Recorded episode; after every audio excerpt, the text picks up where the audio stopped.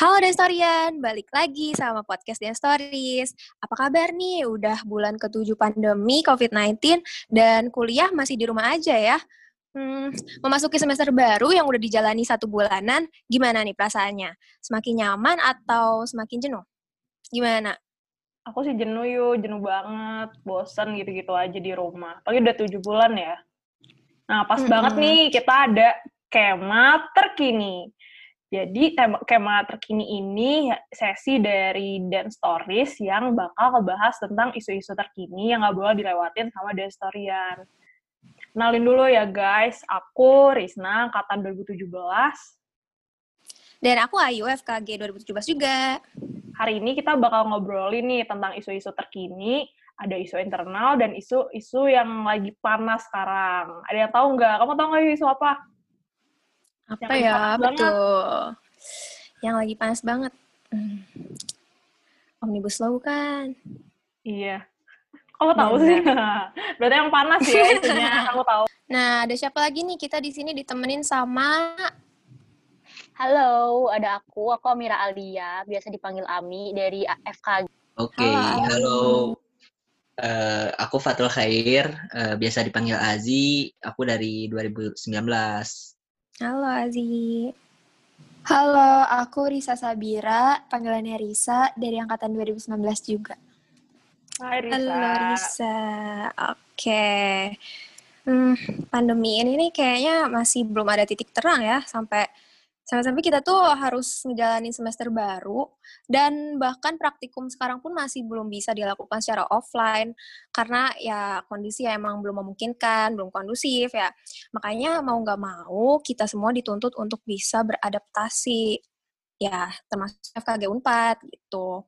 Iya dan pandemi ini masih belum ada titik terang tapi kita udah digeser nih sama suatu yang besar banget sampai orang-orang tuh lupa sama pandemi tadi yang kayak Ayu sebut, yaitu Omnibus Law. Tiba-tiba DPR ngesahin, tiba masyarakat Indonesia protes gitu tentang pengesahan itu, jadi seolah-olah corona ini udah selesai. Yuk kita obrolin lagi biar sorry bisa dapat insight-insight menarik. Bener banget. Oke. Jadi karena nggak ada yang tahu nih ya pandemi ini bakal selesai sampai kapan, makanya FKG Unpad juga melakukan metode praktikum dari jarak jauh kayak yang tadi aku udah sebutin uh, sebelumnya sebagai bentuk uh, metode dari adaptasi normal baru. Jadi sebenarnya apa sih praktikum jarak jauh tuh? Apa sih, Nak? Itu kita praktikum tapi kita ada di tempat kita masing-masing dan dokter atau dosennya itu dari tempatnya masing-masing juga. Jadi kita lewat video call atau foto apa pun bisa bersamaan, berbarengan, atau bisa juga kayak aku foto dulu terus upload nanti dosennya lihat. Nah itu jadi benar-benar virtual dan tidak bersama dan apa ya jauh dan kita tidak berdekatan gitu nggak barengan ada di situ. Terus juga praktikum ini uh, lumayan menantang ya, challenging banget. Soalnya kan kita tahu sendiri ya, koneksi kita berbeda-beda, daerah kita berbeda-beda, jadi banyak banget deh hambatan-hambatannya. Nah, kalau kira-kira ya, dari teman-teman di sini, bedanya nih praktikum yang kalian udah pernah jalanin pas offline, selain jelas ya, karena lokasinya ini pasti beda ya, tadi udah aku sebut juga. Kira-kira apa sih yang beda dari praktikum online dan offline ini? Kalau dari angkatan-angkatan tahun kedua dan tahun ketiga di FAG ini, aku pengen denger dulu dong. Apa sih bedanya praktikum online sama offline menurut kalian? Oke, okay, dari aku dulu kali ya. Angkatan yang tua di sini, lumayan tua maksudnya. Ada yang lebih tua sih. Jadi kalau dari aku sendiri, sebenarnya dari COVID-19 ini kan udah dari semester aku kan semester semester lima ya. Udah dari aku semester empat kan sebenarnya. Dan waktu semester empat tuh bener-bener praktikum tuh ya cuma sebatas presentasi aja gitu. Nggak kerasa FKG-nya dan nggak ekspektasi juga sebenarnya kalau di semester depannya masih harus online. Karena pikirnya kan waktu itu ya mungkin udah beres aja gitu pandeminya. Tapi ternyata masih harus online dan lebih nggak ekspektasi lagi karena ternyata beneran diadain loh praktikumnya gitu. Kalau nggak kebayang sama sekali nggak sih kayak nyetak on, orang secara online atau OD konservasi online itu kan kayak aneh banget. Tapi ternyata ya harus dilakuin juga gitu. Dan yang lebih bingungnya lagi karena mau nggak mau kan harus nyetak orang juga supaya lebih baik itu sih kalau dari aku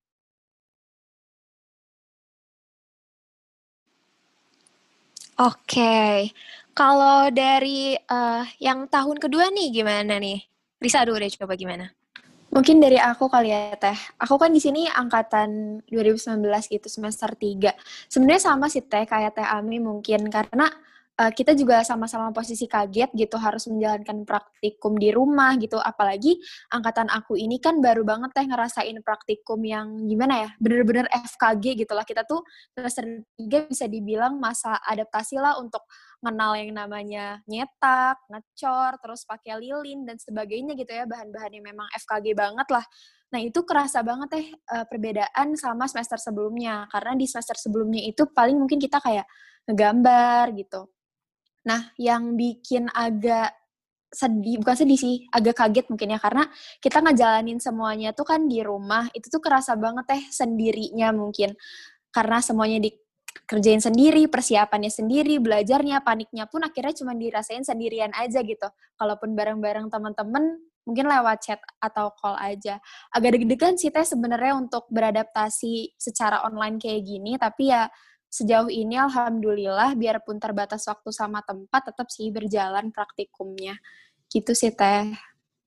Hmm ternyata seriuh itu ya kayak yang tadi Ami bilang juga kayak sampai ada temennya yang cetak ke tetangganya gitu. Padahal kan kalau misalnya kita kalau misalnya aku throwback nih ya ke semester 3 dan semester 5 kemarin itu tuh uh, nyetak tuh kan nyetak sama temen. Apalagi kayak misalnya aku nih kan aku pakai behel ya jadi maaf banget ya sumpah teman teman-teman yang aku jadinya nyetak dua kali. Itu tuh emang nyetak berkali-kali dan sampai teman-teman kita juga pada sariawan gitu kan. Kalau misalnya sekarang kan berarti jadi orang tua kita yang sariawan gitu ya. Terus juga yang tadi Risa bilang uh, mungkin karena Risa ini masih tahun kedua jadi agak kaget ya akan masuk ke semester 3 ini langsung praktikum yang emang basah-basah, yang kotor-kotor gitu kan, daripada yang semester sebelumnya yang cuma gambar-gambar. Benar-benar pasti beda banget lah ya perasaannya, apalagi offline kayak gini. Eh, online, maaf-maaf. Oke. Kalau di praktikum semester 7, gimana nih, nak, praktikumnya? Kalau menurut kamu gimana? Kalau menurut aku sih, ya pasti beda banget ya, soalnya kan uh, praktikum online ini tuh di semester 7 tuh ada uh, operatif dentistry atau yang biasa disebut OD itu kan preparasi-preparasi dan nambal-nambalnya tuh juga belum tahu, belum ada kabar atau info kayak gimana gitu. Jadi sampai sekarang sih kita masih uh, preparasi ya Naya, gimana tuh bedanya nak? Iya, aduh gue ah, merasa tua nih, saya tujuh. iya, jadi kalau aku sendiri ya mm, melewati semester 1 sampai 6, eh satu sampai lima ya. Lima lebih dikit lah. Namanya kan kita baru satu minggu atau dua minggu udah pulang gara-gara pandemi. Bedanya beda banget. Kalau aku tadi dengar-dengar dari Risa ah itu udah lewat. Emang derita-deritanya tuh ada. Iya derita-derita offline gitu ya. Deg-degannya tuh ada. Ami juga ya nyetak-nyetak teman kebetulan aku juga sama yuk kayak kamu. Dapat partner yang ada yang pakai orto jadi aku dicetak dua kali. Eh satu itu ada dua blok kalau nggak salah yang harus cetak mencetak ya. Jadi kayak yeah, yeah. kita gantian yeah. aja nih bertiga dan gantian gitu. Aku di blok ini dua kali temen aku dua kali. Ya lumayan repot. Tapi memang bener banget sih kata Ami. Kalau kita offline kan jatuhnya kayak sama-sama paham lah ya susah-susahnya. Jadi kooperatifnya tuh pasti ada banget. Tapi kalau sama orang luar orang rumah orang tua tangga ya bahkan itu pasti kita harus uh, give our best. Jadi latihannya sebenarnya positifnya ada juga ya. Nggak, jadi nggak kayak terlalu mencoba, mencoba, mencoba terus gitu. Bagusnya ada positifnya. Kalau semester 7, semester 7 sejauh ini sih baru konservasi yang ada, yang baru jalan praktikum online-nya. Dan kalau aku kebetulan masih baru sekali praktikumnya sampai saat ini. Jadi kalau ditanya perbedaannya, jujur uh, pasti deg-degan ya karena kita lebih ke bingung sih kayak baru ya semuanya terlalu baru jadi um, ya takut salah takut terhambat gitu aja lah ya cuman yang bisa aku tarik besarnya selama satu pertemuan itu lebih ke kalau di konservasi itu kan ACC-nya kita sama sih kayak departemen lain ngantri ya. Dan di situ kalau online kita ada di Google Classroom, terus kita upload-upload foto gitu. Nanti kita kayak on mic. Kalau dokter aku on mic, terus kita bilang, punten dok kita, uh, saya mau ACC gitu. Jadi sebenarnya ada efisiennya, jadi kita nggak perlu uh, ngantri, dan jadi bisa sambil apa ya, bisa pengerjaan yang lain juga. Terus jadi ACC, ada yang ACC, jadi nggak terpotong waktu lebih santai juga. Cuman ya itu sih karena terlalu baru, jadi semuanya butuh adaptasi. Kayak gitu sih, Yu.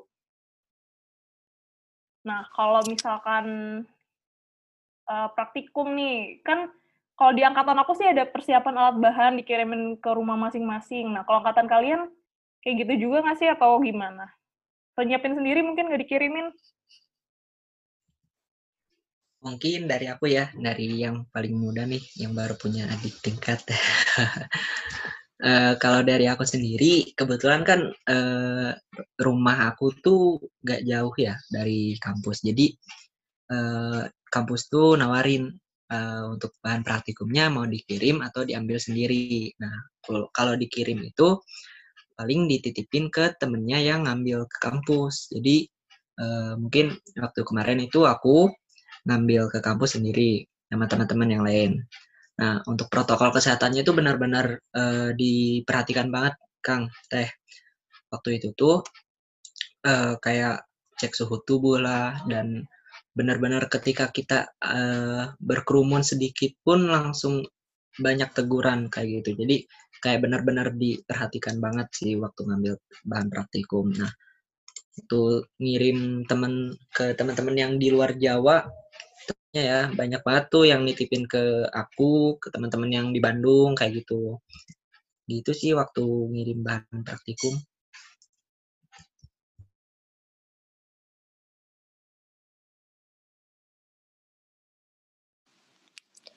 Oh, sama sih, sama ya. Karena FKG emang benar-benar uh, apa ya, emang benar-benar menjaga kalau uh, keselamatan dan kesehatan itu tuh nomor satu. Jadi ya kita praktik mau nggak mau harus online dan alat-alat juga harus didistribusikan ke rumah-rumah masing-masing gitu kan ya. Gimana nih kalau misalnya dari angkatan 2018, Ami nih gimana nih coba diceritain. Oke, jadi tuh uh, aku tuh sendiri aku sendiri tuh bukan anak Bandung atau anak daerah Bandung sekitarnya kan. Jadi nggak mungkin juga aku yang nganter gitu. Cuma karena sekarang domisili aku di Karawang dan gak terlalu jauh dari Jatinangor, jadi kalau aku sendiri bisa ngambil gitu untuk alat-alat kayak misalnya mikromotor deh, bisa diambil dulu, gak harus minta teman untuk ngirim gitu, karena masih bisa diusahain. Tapi dari pengalaman teman-teman ada yang dari Riau, ada yang dari Jambi, waktu itu sempat ada meeting sama beberapa dokter konservasi gigi, uh, beliau semuanya benar-benar menghimbau benar kayak yang tadi kata Azi kayak jangan sampai ya kalian berkerumun ke Jatinangor apa segala macam cuma buat ngambil alat praktikum. Tapi di sisi lain kan ya mau nggak mau alat-alat itu harus ada kan. Kayak mikromotor kita udah beli kita simpen di kos nggak mungkin dong kita harus maksain beli mikromotor lagi kan kaya banget bos. Jadi mau nggak mau harus ada yang ngambilin gitu. Dan akhirnya beberapa teman-teman yang domisilinya di Jatinangor atau di Bandung kayak aku sih dengar-dengar pengalaman ya ada yang misal dari kota A gitu yang jauh di sana.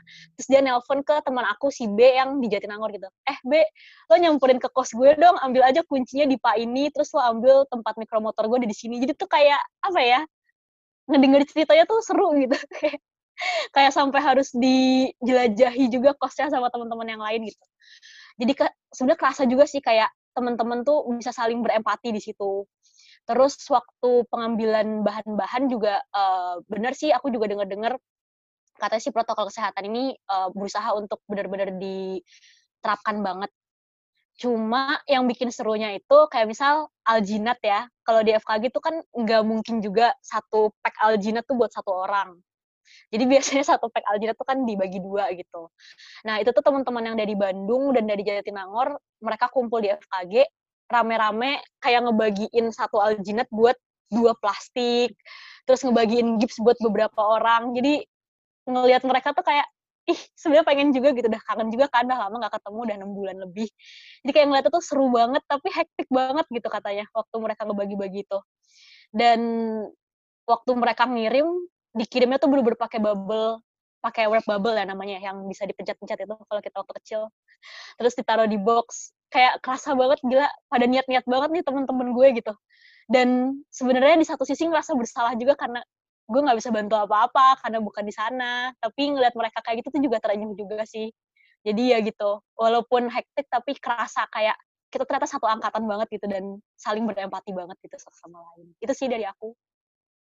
Benar-benar banget sih. Emang benar-benar baru bukan baru maksudnya uh, karena pandemi ini tuh kita jadi lebih kerasa uh, kebersamaannya gitu kan ya walaupun emang bersamanya tuh nggak uh, secara online eh secara offline tapi kita tuh emang uh, kerasa apa ya solidnya gitu kayak kita benar-benar harus berterima kasih banget sama mereka-mereka yang emang bungkusin tuh satu-satu dan yang ngirimin juga satu-satu gitu kan. Jadi ya gitulah pokoknya alhamdulillah ada sisi positifnya juga gitu. Dan kalau menurut kalian nih uh, selain dari metode yang tadi udah kalian ceritain perbedaan sama online dan offline, pasti ada dong perbedaan juga di uh, keuntungannya atau hambatan-hambatannya gitu. Kayak misalnya tadi Rizna udah nyebutin ya yang ACC nggak perlu pakai antri, tinggal di up ke Google Classroom gitu kan.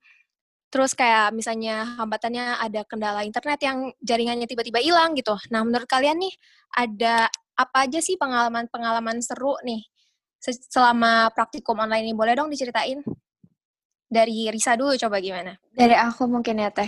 Kalau mm -hmm. aku sebenarnya dari tadi dari Teh Risna sama Teh Ami tuh aku kok ngerasanya kayak ada perbedaan gitu justru karena uh, di praktikum aku ke yang kemarin mungkin ya Teh memang tergantung dokter juga. Aku tuh di prosto itu ACC-nya tetap sendiri-sendiri Teh. Jadi kita tuh memang langsung gitu sih di Zoom-nya gitu, ditunjukin hasil praktikumnya walaupun memang setelah itu di foto juga ya sebenarnya kalau menurut aku sendiri tuh mungkin lebih objektif juga tapi kalau misalkan dibilang keuntungan itu juga masih masuk keuntungan sih karena kalau langsung kan kita kayak bisa nungguin tuh lama gitu kan teh untuk ACC apalagi kalau misalkan uh, praktikum tuh kayak awal-awal tuh mungkin gak banyak yang ACC pasti orang-orang agak akhir-akhir gitu kan jadi ramenya tuh di akhir gitu uh, selain itu mungkin keuntungannya aku juga agak beda nih sama Teh Ami karena uh, mungkin pertama kali teh nyetak gitu kan belajar.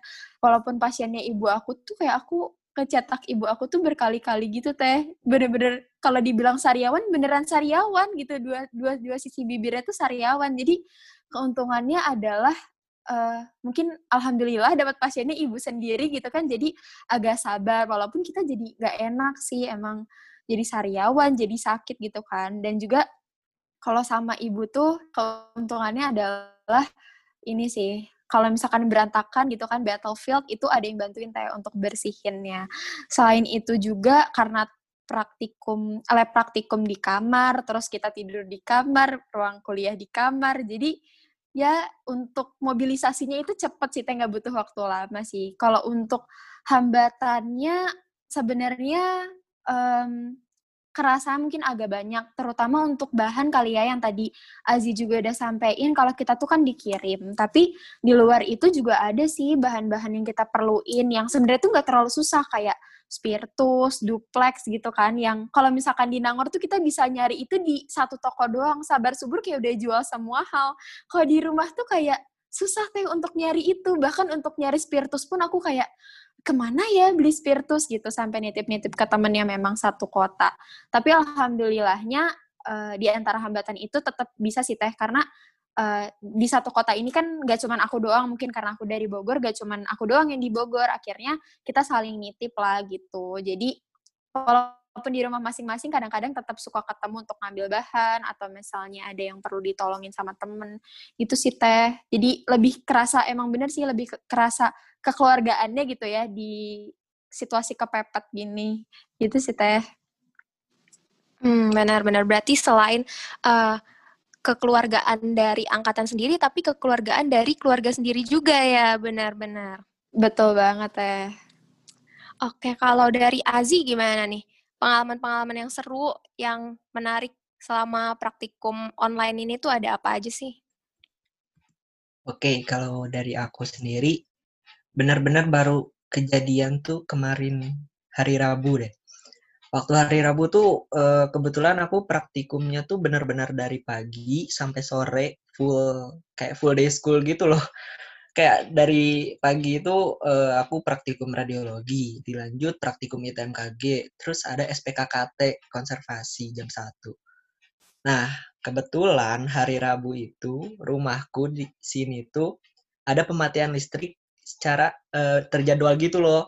Dan kebayang gak sih pematian listriknya tuh dari pagi sampai untung sih laptop tuh masih full charge gitu ya kayak baterai full kayak gitu. Tapi nggak taunya sampai jam satu siang pun listrik masih belum nyala. Bener-bener kayak wah gimana ini baterai laptop habis baterai HP habis. Laptop tuh sampai dua dua ganti, dua kali ganti laptop buat uh, apa ya aktifin Zoom sama Google Meet kayak gitunya.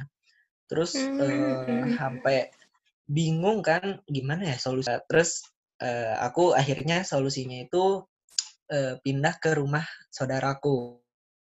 Agak jauh jadi uh, aku tuh sebenarnya bingung juga waktu kemarin karena uh, waktu praktikumnya tuh persesinya tuh nggak ada waktu istirahat sama sekali. Ketika misalnya jam 7 sampai jam 10 itu tuh langsung dilanjut ITMKG jam 10 sampai jam 1 terus dilanjut lagi SPKKT bener-bener bingung kan kayak aku kan uh, keluar rumah tuh ke, uh, ke tempat rumah saudara tuh ada perlu waktu gitu. Dan akhirnya waktu ITMKG aku izin. Uh, izin gitu. Kebetulan uh, dosennya uh, baik lah ya uh, kayak mentoleransi kayak gitu. Alhamdulillah sih uh, dosen-dosen FKG itu ketika ada mahasiswanya yang apa ya terkendala seperti misalnya koneksi, kuota ataupun listrik itu benar-benar uh, ada toleransi seperti itu sih.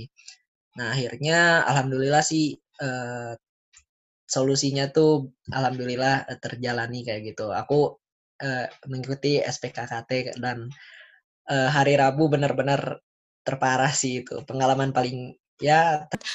Aku juga pernah waktu itu lagi mau tutor mati lampu jadi kayak udah dicariin waktu itu kayak udah setengah jaman lah ya harusnya tuh aku kan kayak dokternya tuh udah manggil Anissa gitu pertama karena dikocok kan waktu itu tutornya. Terus aku tuh nggak muncul-muncul gara-gara mati listrik juga, emang benar sih. Tapi alhamdulillah ya ditoleransi juga. Jadi ya memang namanya mau praktikum online, eh praktikum atau tutor atau apa pun itulah pokoknya perkuliahan offline sih. online ini tuh harus benar-benar iya harus benar-benar siap dan tapi alhamdulillahnya emang dokter-dokter tuh mentoleransi kita juga gitu. Jadi alhamdulillah nggak apa-apa gitu mau nggak mau juga ya gimana lagi ya gitu kan. Kalau Risna gimana? Yang semester tujuh nih nak? Semester tujuh. Tadi kan udah aku ceritain juga kali ya uh, perbedaan-perbedaannya. Hmm. nah tapi kalau dari hambatan nih menurut aku yang paling besar adalah karena kita semester enamnya juga ini ya yuk nggak jalan praktikumnya. Tapi jadi apa ya istilahnya sekarang ini kita ngerjain praktikum yang semester 6 belum masuk yang uh, requirement pasar 7. Jadi huh, deg-degan juga ya mau koas, terus kita belum menyelesaikan banyak hal yang harus diselesaikan. Dan uh, kedua itu juga karena di rumah dan nggak mungkin dong ada model mulut uh, pantum ya. Jadi kita ngerjainnya tetap ekstra oral nih. Lumayan banget iya, iya, iya. sih? Kayak kita udah mau masuk koas, dan kita masih ekstra oral gitu. Uh, mungkin kita udah sempat berapa kali sempat oral cuman kan masih butuh banyak latihan. Kan ada mulut tuh ada uh, dinding-dinding ada pipinya. Dan itu nggak bisa se mangap pasien itu nggak bisa sebesar itu. Jadi kayak tantangan terbesar ya buat koas nanti. Kayak gitu sih paling terus kayak nggak bisa nambal-nambal juga kan. Kita preparasi aja nih saat ini. Terus juga pas semester 6 prosto kita kayaknya tuh kalau diibaratkan mulut pasien masih baru dipreparasi belum dia papain tuh. Setengah jalan kita iya benar-benar. Kita biarin berapa bulan tuh pasien kita yuk. Baru preparasi doang terus kayak belum ditutup belum di ya ampun beneran. Kayak setengah jalan doang. Iya iya iya. Eh mau nanya berarti belum ya. pernah latihan intraoral? Atau Udah belum sih. pernah nambah sama sekali atau Udah pernah, udah pernah. Udah, oh. udah, tapi di semester lalu ya, hmm. Naya. Hmm. Karena di semester ini ya, ya mau gimana juga intraoral kan kita nggak punya fantom ya, fantom yang ada kepalanya itu loh, yang ada pipinya kan nggak mungkin kita beli juga kan pasti mahal juga gitu. Jadi ya kita pakai phantom kerja yang ada di OD itu ya udah seadanya aja ditaruh di atas meja aja udah gitu. Bener-bener. Itu sih paling tantangan terbesarnya nggak bisa intraoral kalau dari semester udah mau akhir. Tapi udah pernah jadi intraoral. kurang Iya, ya, mungkin kekurangannya, iya kekurangannya jadi ya tapi insya Allah semoga tetap bisa lah ya mencapai uh, kompetensi dari si preparasi maupun uh, restorasinya itu nanti. Amin. Itu, amin. Oke. Okay. Hmm, nah kalau dari akumulasi uh, dari semua hambatan yang tadi nih nak, yang udah disebutin dari teman-teman yang lain juga sebelumnya tentang kompetensi juga yang tadi udah aku sempat singgung uh, dan dengan segala keterbatasannya praktikum online ini di masa pandemi bikin adanya isu nih kalau kita katanya nih bakal nambah semester untuk menyelesaikan semua requirement-nya. Jadi yang biasanya harusnya tuh ya Februari tuh udah bisa wisuda gitu kalau kating-kating sebelumnya. Kita nih bau-baunya sih belum bisa ya Naya. Mm -mm, bener banget, bener banget. Cuman ya ada positif negatifnya nggak sih guys? Kalau menurut aku pribadi, uh, bukan suatu masalah untuk menambah semester karena keadaan. Jadi karena kita ya nggak ada yang tahu juga keadaan ini bisa seperti saat ini. Terus juga kalau aku pribadi jadi ngerasa kalau aku dilulusin ya udah dilulusin gitu. Masalah ini bukan cuma sekedar lulus, kita harus mengerjakan pasien di koas gitu. Itu menurut aku uh, apa ya? Ada tantangan dan ya tantangan dari moral itu sendiri sih. Masa mau ngerjain manusia kita kayak belum siap istilahnya dan aku yakin banget pasti juga dari kurikulum dari dari dokter-dokter pasti udah memikirkan ini dengan uh, sangat matang makanya untuk isu nambah semester itu ya pasti sangat apa ya chance-nya lebih besar ya untuk ditambah satu semester dan itu menurut aku sangat-sangat wajar karena ya nggak mungkin kan dilolosin gitu aja jadi mm -mm. ya semoga ini udah yang paling maksimal juga sih ya yang bisa kita mm -mm. dan dokter-dokter dan dari kita pribadi mahasiswanya kita udah maksimal banget usahainnya biar KBM ini tetap berjalan. Kita berdoa aja semoga pandemi ini cepat selesai dan sektor-sektor pendidikan bisa segera offline dan efektif lagi pembelajarannya. Amin, amin, amin banget. Nah, tadi kan di awal sempat kita singgung juga nih, selain praktikum online, kita bakal ngebahas sesuatu isu yang bikin gempar se-Indonesia, yaitu Omnibus Law atau uh, hukum Omnibus ya.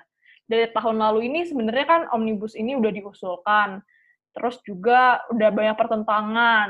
Eh, terus tiba-tiba lagi dibahas lagi nih sekarang-sekarang ini. Sebenarnya udah sempat dibahas di bulan Maret, dan sekarang eh, dibahas lagi sama DPR dan ada pengumuman tiba-tiba mau disahin. Dan kocaknya adalah disahinnya itu saat lagi pandemi di malam minggu saat itu bukan jam kerja normal DPR, I guess. Terus tiba-tiba mereka rapatin itu dan waktunya itu sangat apa ya, sangat sebentar ya untuk 900 pasal, 900 plus plus pasal tuh.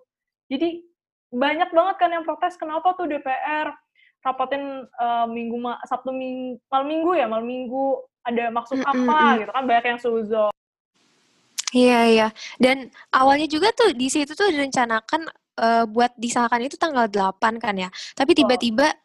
Uh, disahkan itu tanggal 5 DPR Oktober, majuin sidang ya. paripurnanya. Ya 5 Oktober. Mm -hmm. uh, buat mengesahkan si Omnibus Law ini. Kayak uh, kenapa ya? Kebelet banget gitu kan. Nah, kira-kira kalau Denstoria nih udah pada tahu belum nih apa sih sebenarnya Omnibus Law itu? Dan kenapa nih masyarakat Indonesia tuh lagi uh, gempar-gemparnya, lagi panas-panasnya gitu bahas penolakan Omnibus Law ini nih kayak di mana-mana di Twitter, di Instagram, di mana pun itu tuh pada bahas uh, penolakan Omnibus Law ini.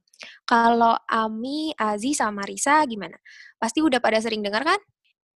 Udah sering dengar, cuma mungkin karena ya tadi tuh ya keterbatasan waktu praktikum online dan lain-lain gak bisa terus um, terus menerus mengkaji gitu tentang si hukum omnibus ini. Cuma biar nggak salah nih, aku sambil buka langsung nih undang-undang tentang cipta kerjanya. Iya, boleh boleh. Jadi Kan harus Jadi di evidence sini- based gitu kan, FKG. Bener banget. Nih mau sekalian tambahin dafpusnya nggak nih? Oh, Jadi- boleh, boleh. Nanti di akhir ya, pakai citasi gitu, pakai Banyak mendeley. ya. Boleh. Banyak ya. APA.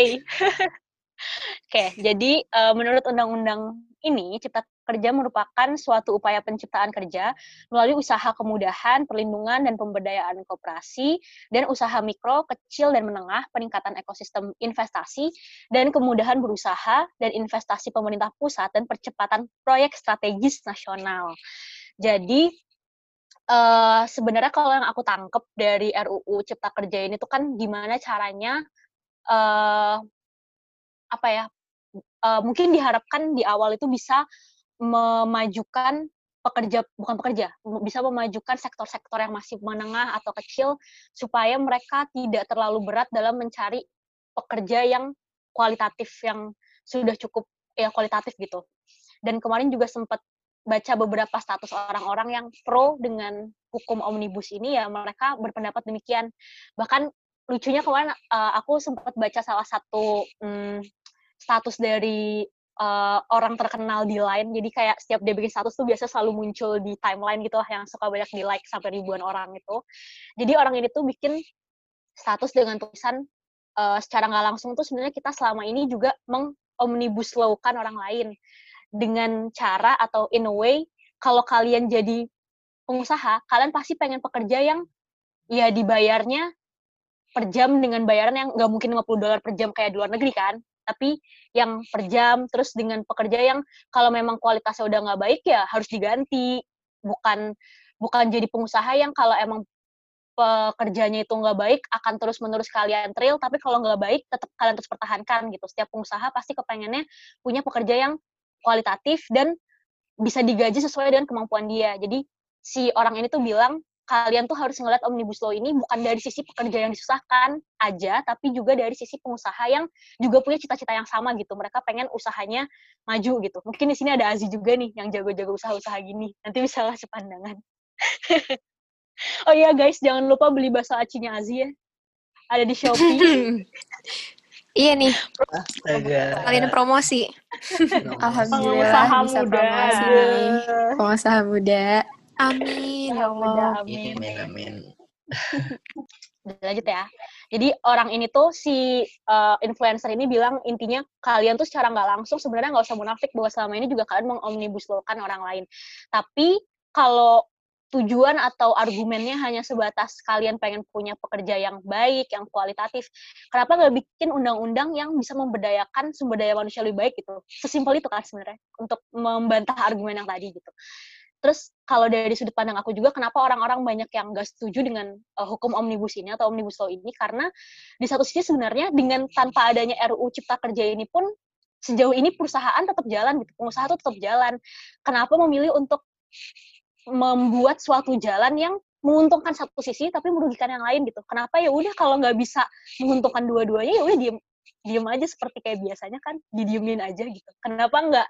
Kenapa lebih memilih membuat suatu hukum yang malah merugikan satu orang eh, satu pihak yang lain gitu daripada ya udah netral-netral aja di tengah-tengah aja kan itu sebenarnya lebih baik diam sekalian daripada membuat sesuatu yang merugikan orang lain gitu. walaupun sebenarnya menguntungkan yang lain gitu dan ini menguntungkannya menguntungkan pengusaha loh menguntungkan orang yang sudah punya usaha untuk bekerja tapi merugikannya merugikan pekerja merugikan orang yang butuh pekerjaan ini kan kayak nggak fair aja gitu mungkin itu sih dari sisi itu kenapa banyak orang-orang yang nggak setuju tentang omnibus law ini itu sih pandangan aku Hmm, oke oke. Benar-benar ya ya. Dan kalau melihat dari isinya atau substansinya yang banyak banget disorot nih ya di sosial media ataupun di uh, demonstrasi secara langsung nih buru-buru nih kan pada demo secara langsung bahkan sampai mahasiswa pun ikut turun ke jalan nih. Gimana nih kalau menurut Azi apa nih apa sih pandangan Azi nih menurut um, tentang omnibus law ini? Oke, kalau dari aku sama sih kayak yang tadi dibilang Kak Amira ya, kalau eh, omnibus law ini lebih apa ya kurang fair aja gitu loh dari pihak eh, si investor mungkin atau pemilik perusahaannya dan juga eh, pekerja-pekerjanya. Nah, salah satunya apa ya dari undang-undang yang dibikin oleh DPR ini uh, poin-poin pertamanya uh, salah satunya itu antara lain kayak apa ya? Uh, kayak pesangon, urusan pesangon kayak gitu kan uh, sangat penting kan kalau yang namanya buruh atau pekerja.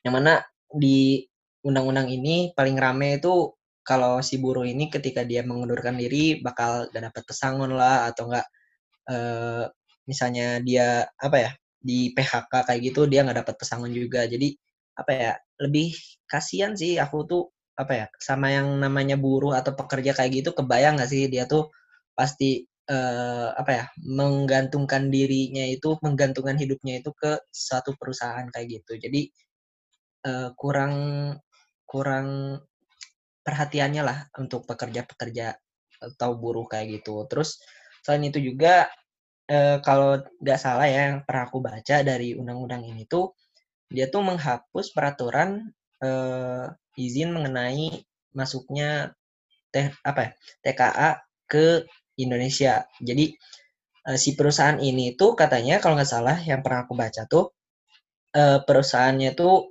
nggak wajib untuk membuat surat izin seperti itu untuk memasukkan uh, teknik kerja apa ya maaf, maaf.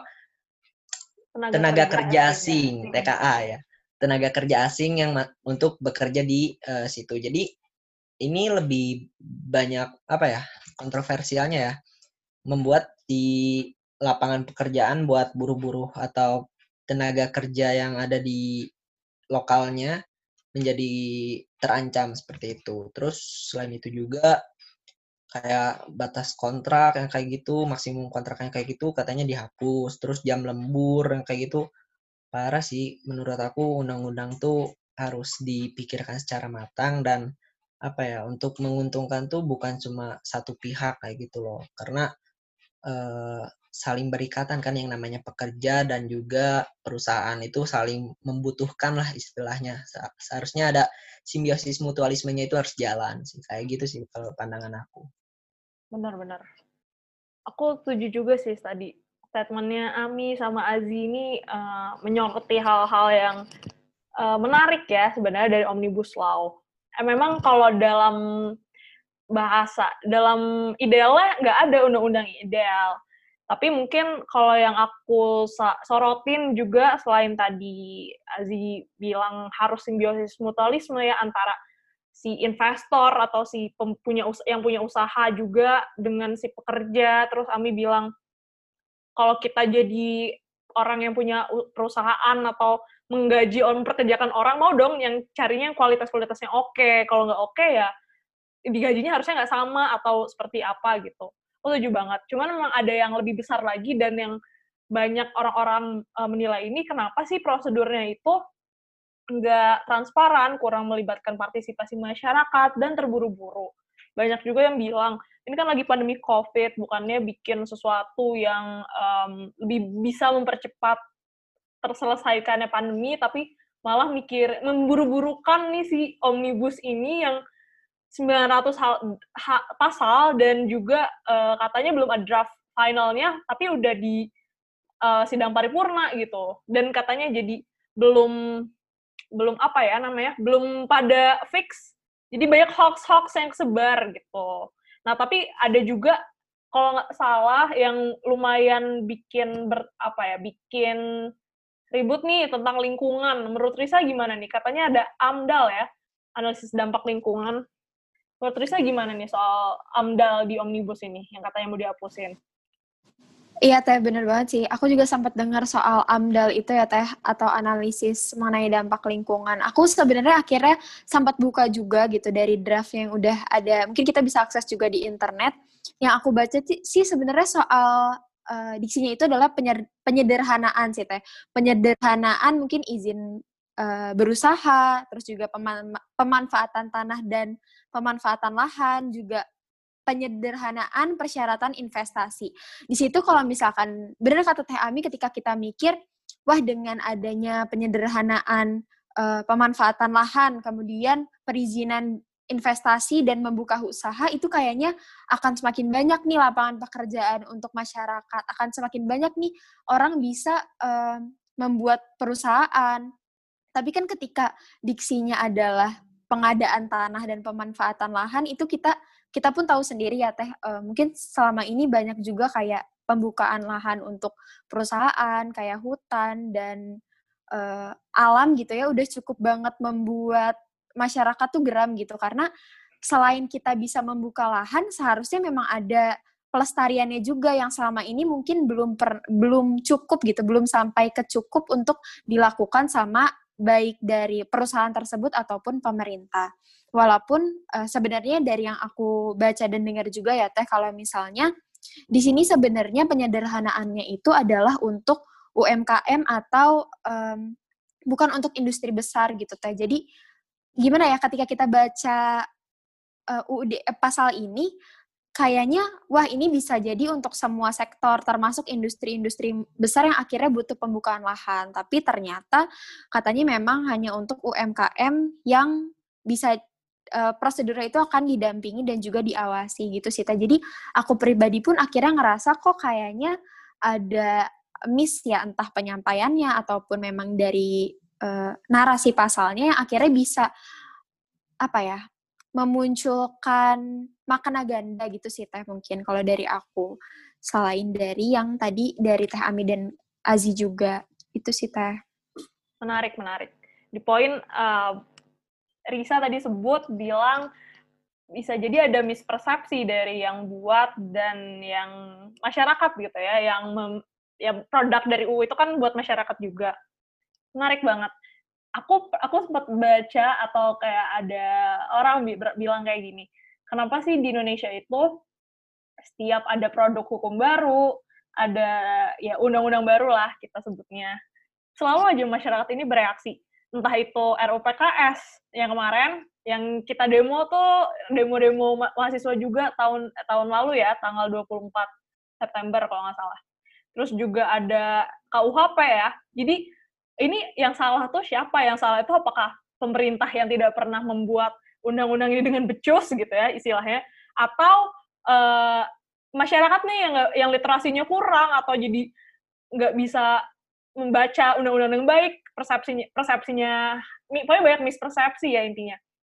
Jadi kayak apa yang salah? Kenapa selalu ada produk hukum baru dan selalu bereaksi gitu? Kayak itu yang um, kalau aku pribadi sih menilai pasti ada peran dari keduanya ya, pasti ada peran dari si pemerintah ini juga nggak sempurna, ya tentu aja nggak, tentu saja nggak ada yang sempurna, dan yang masyarakat juga nggak semuanya bisa membaca atau bisa memahami uh, maksud pemerintah. Makanya kalau yang bisa aku propose gitu ya, sebaiknya sih memang undang-undang ini uh, lebih ke banyak melibatkan masyarakat. Karena kan dari namanya aja DPR Dewan Perwakilan Rakyat partisipasi masyarakat suara masyarakat harusnya didengar dong suara rakyat Indonesia ini.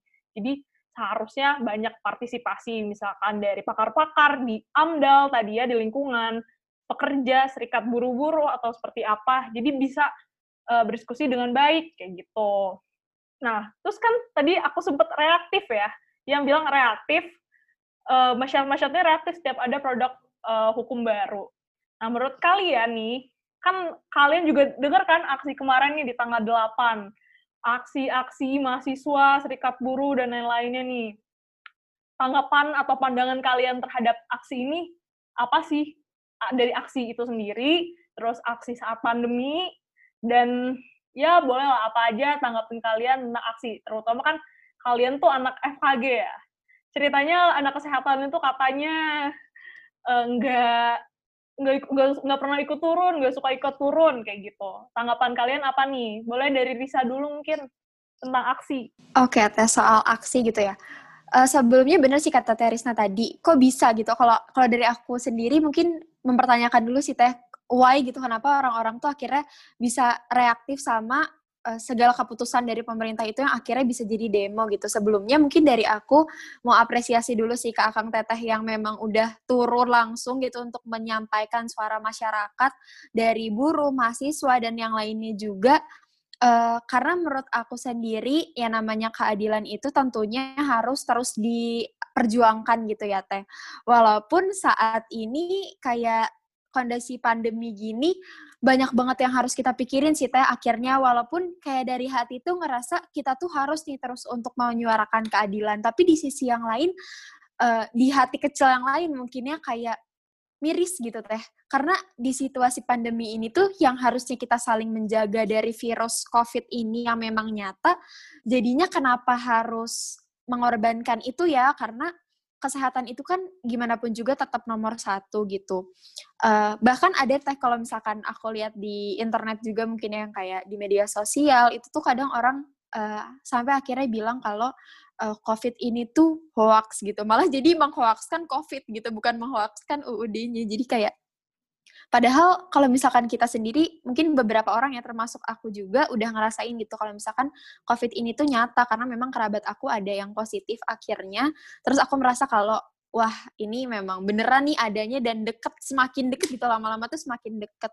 Jadi kalau aku sendiri mikirnya kemarin tuh kayak aku tetap mendukung, maksudnya mendukung semua uh, masyarakat mahasiswa untuk menyuarakan gitu ya, apa pun yang memang harus disuarakan, keadilan itu terutama. Tapi perlu dipertimbangkan juga itu sih teh soal kalau kita itu tetap harus saling menjaga dari virus COVID ini. Kalau dibilang mahasiswa kesehatan, kita mungkin agak galau jadinya sih.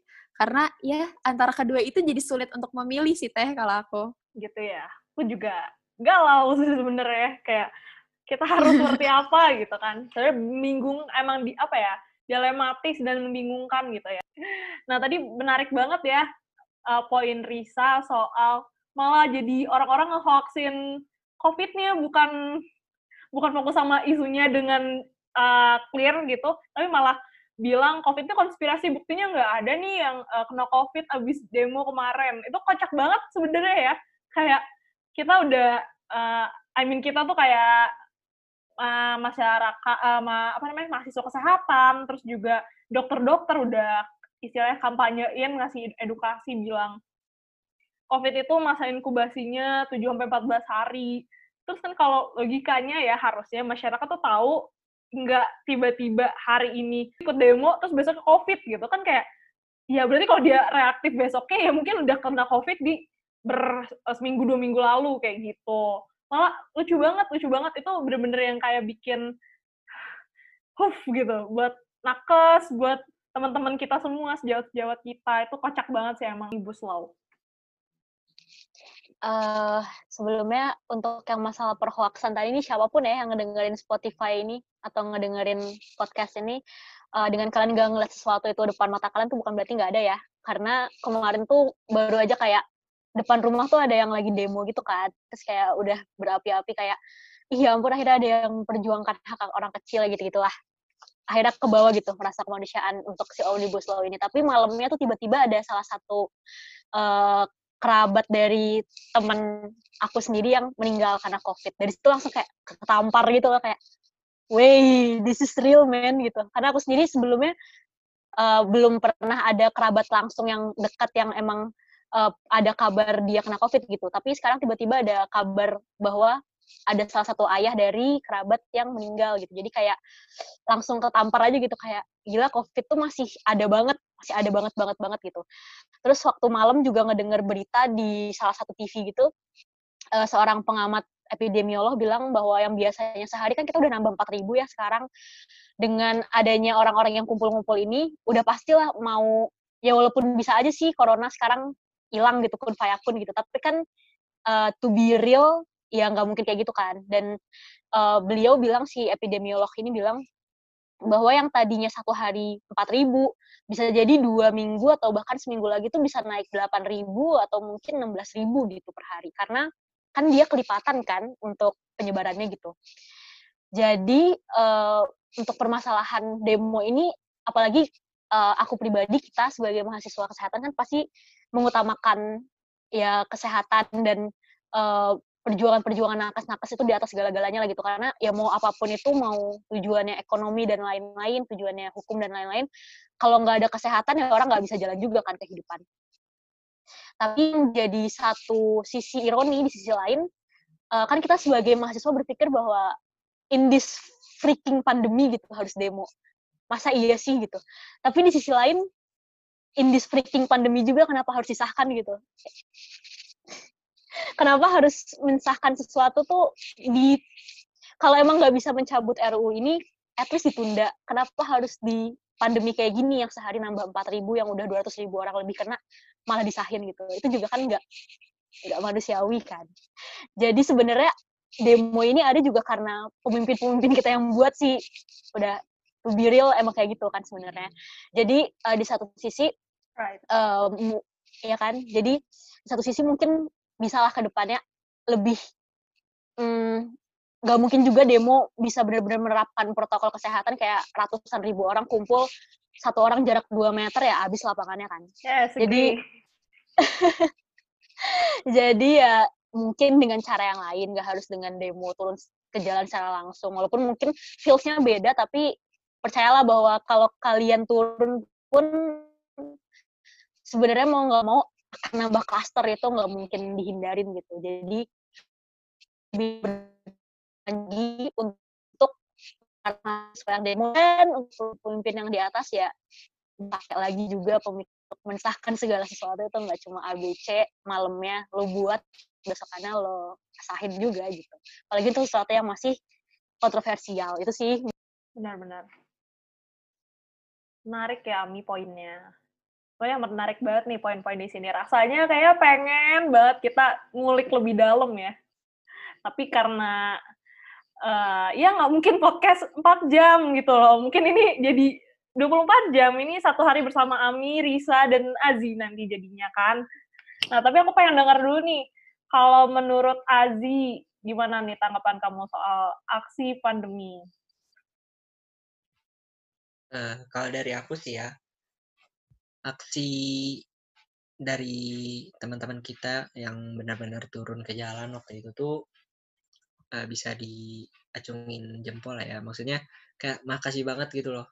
Udah benar-benar rela eh, nguras tenaganya, bahkan bisa dibilang bertaruh nyawa lah ya. Karena kan ketika lagi pandemi kayak gini, benar-benar beresiko lah ketika kita turun ke jalan kayak gitu. Karena eh apa ya benar-benar memperjuangkan lah istilahnya tuh dengan eh, undang-undang yang benar-benar mendadak ya dan sangat apa ya bisa dibilang cepet banget gitu loh diputuskannya.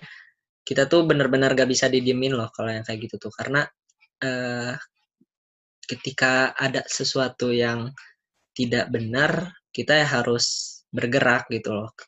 Apalagi kita sebagai mahasiswa, mahasiswa tuh eh, benar-benar sebagai apa ya?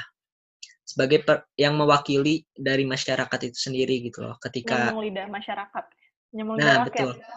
ya, ketika wakil rakyatnya bekerja tidak benar, mahasiswa yang bisa menjadi me- mewakili rakyat untuk eh, bergerak melawan itu kayak gitu loh.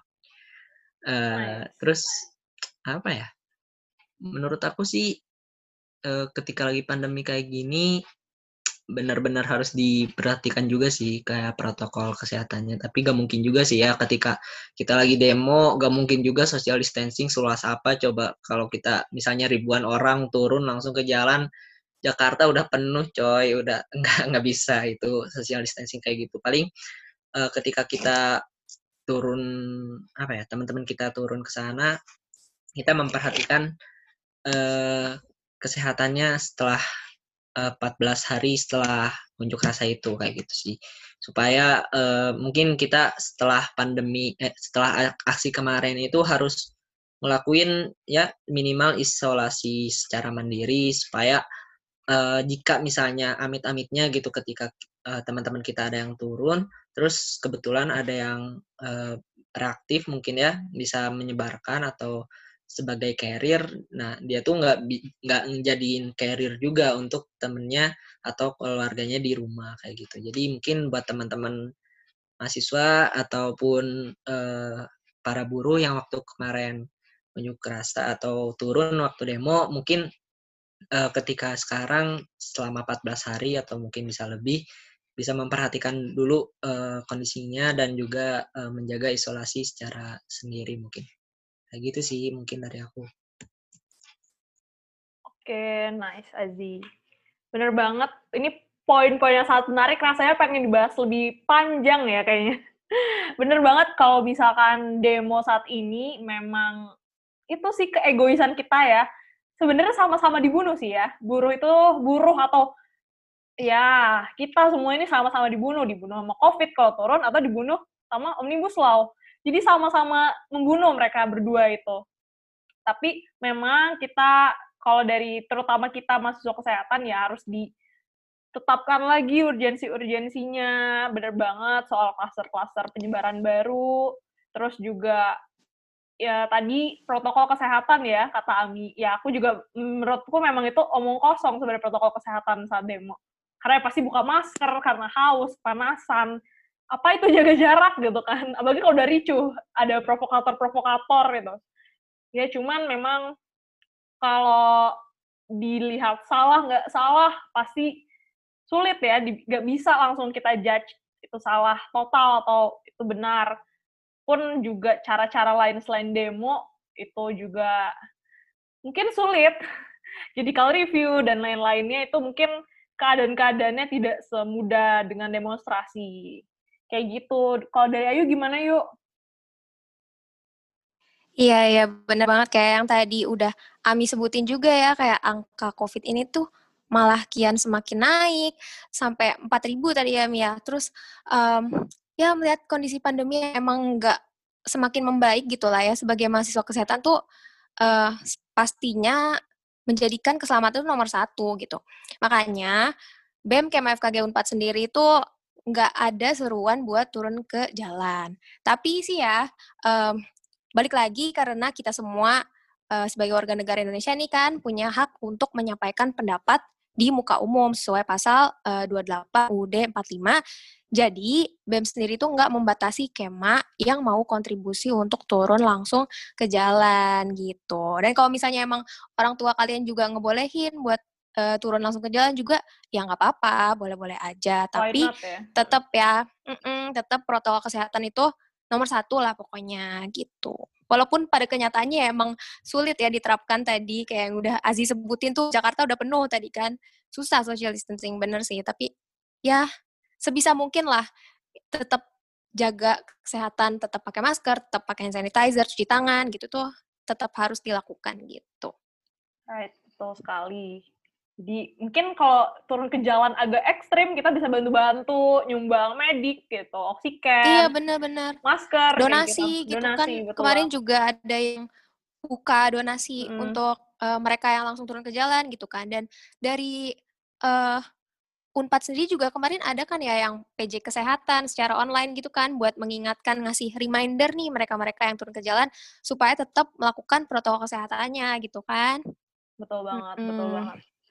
Jadi kita sebagai mahasiswa FKG, sebagai mahasiswa kesehatan gitu, kita benar-benar harus aku nggak bilang kesehatan itu harus di atas segalanya, tapi karena kita berprofesi di bidang ini, seharusnya kita kan um, ber apa ya lebih aware lah ya. ya bersungguh-sungguh juga di bidang hmm. ini dengan cara uh, awareness dari diri kita sendiri kita bangun, terus juga mengedukasi uh, sekitar kita, keluarga, teman, dan masyarakat Indonesia. Jadi mungkin ya dari kita BEM Kema FAG dan juga teman-teman di sini uh, Kema FAG yang eh, nggak uh, ikutan ya artinya tidak salah gitu tidak tidak bisa dibilang nggak ada empatinya nggak ada rasa rasa katanya oh, aku mah bukan buruh gitu katanya. Kalau kita semua selama kita bekerja itu buruh kan, itu menarik ya.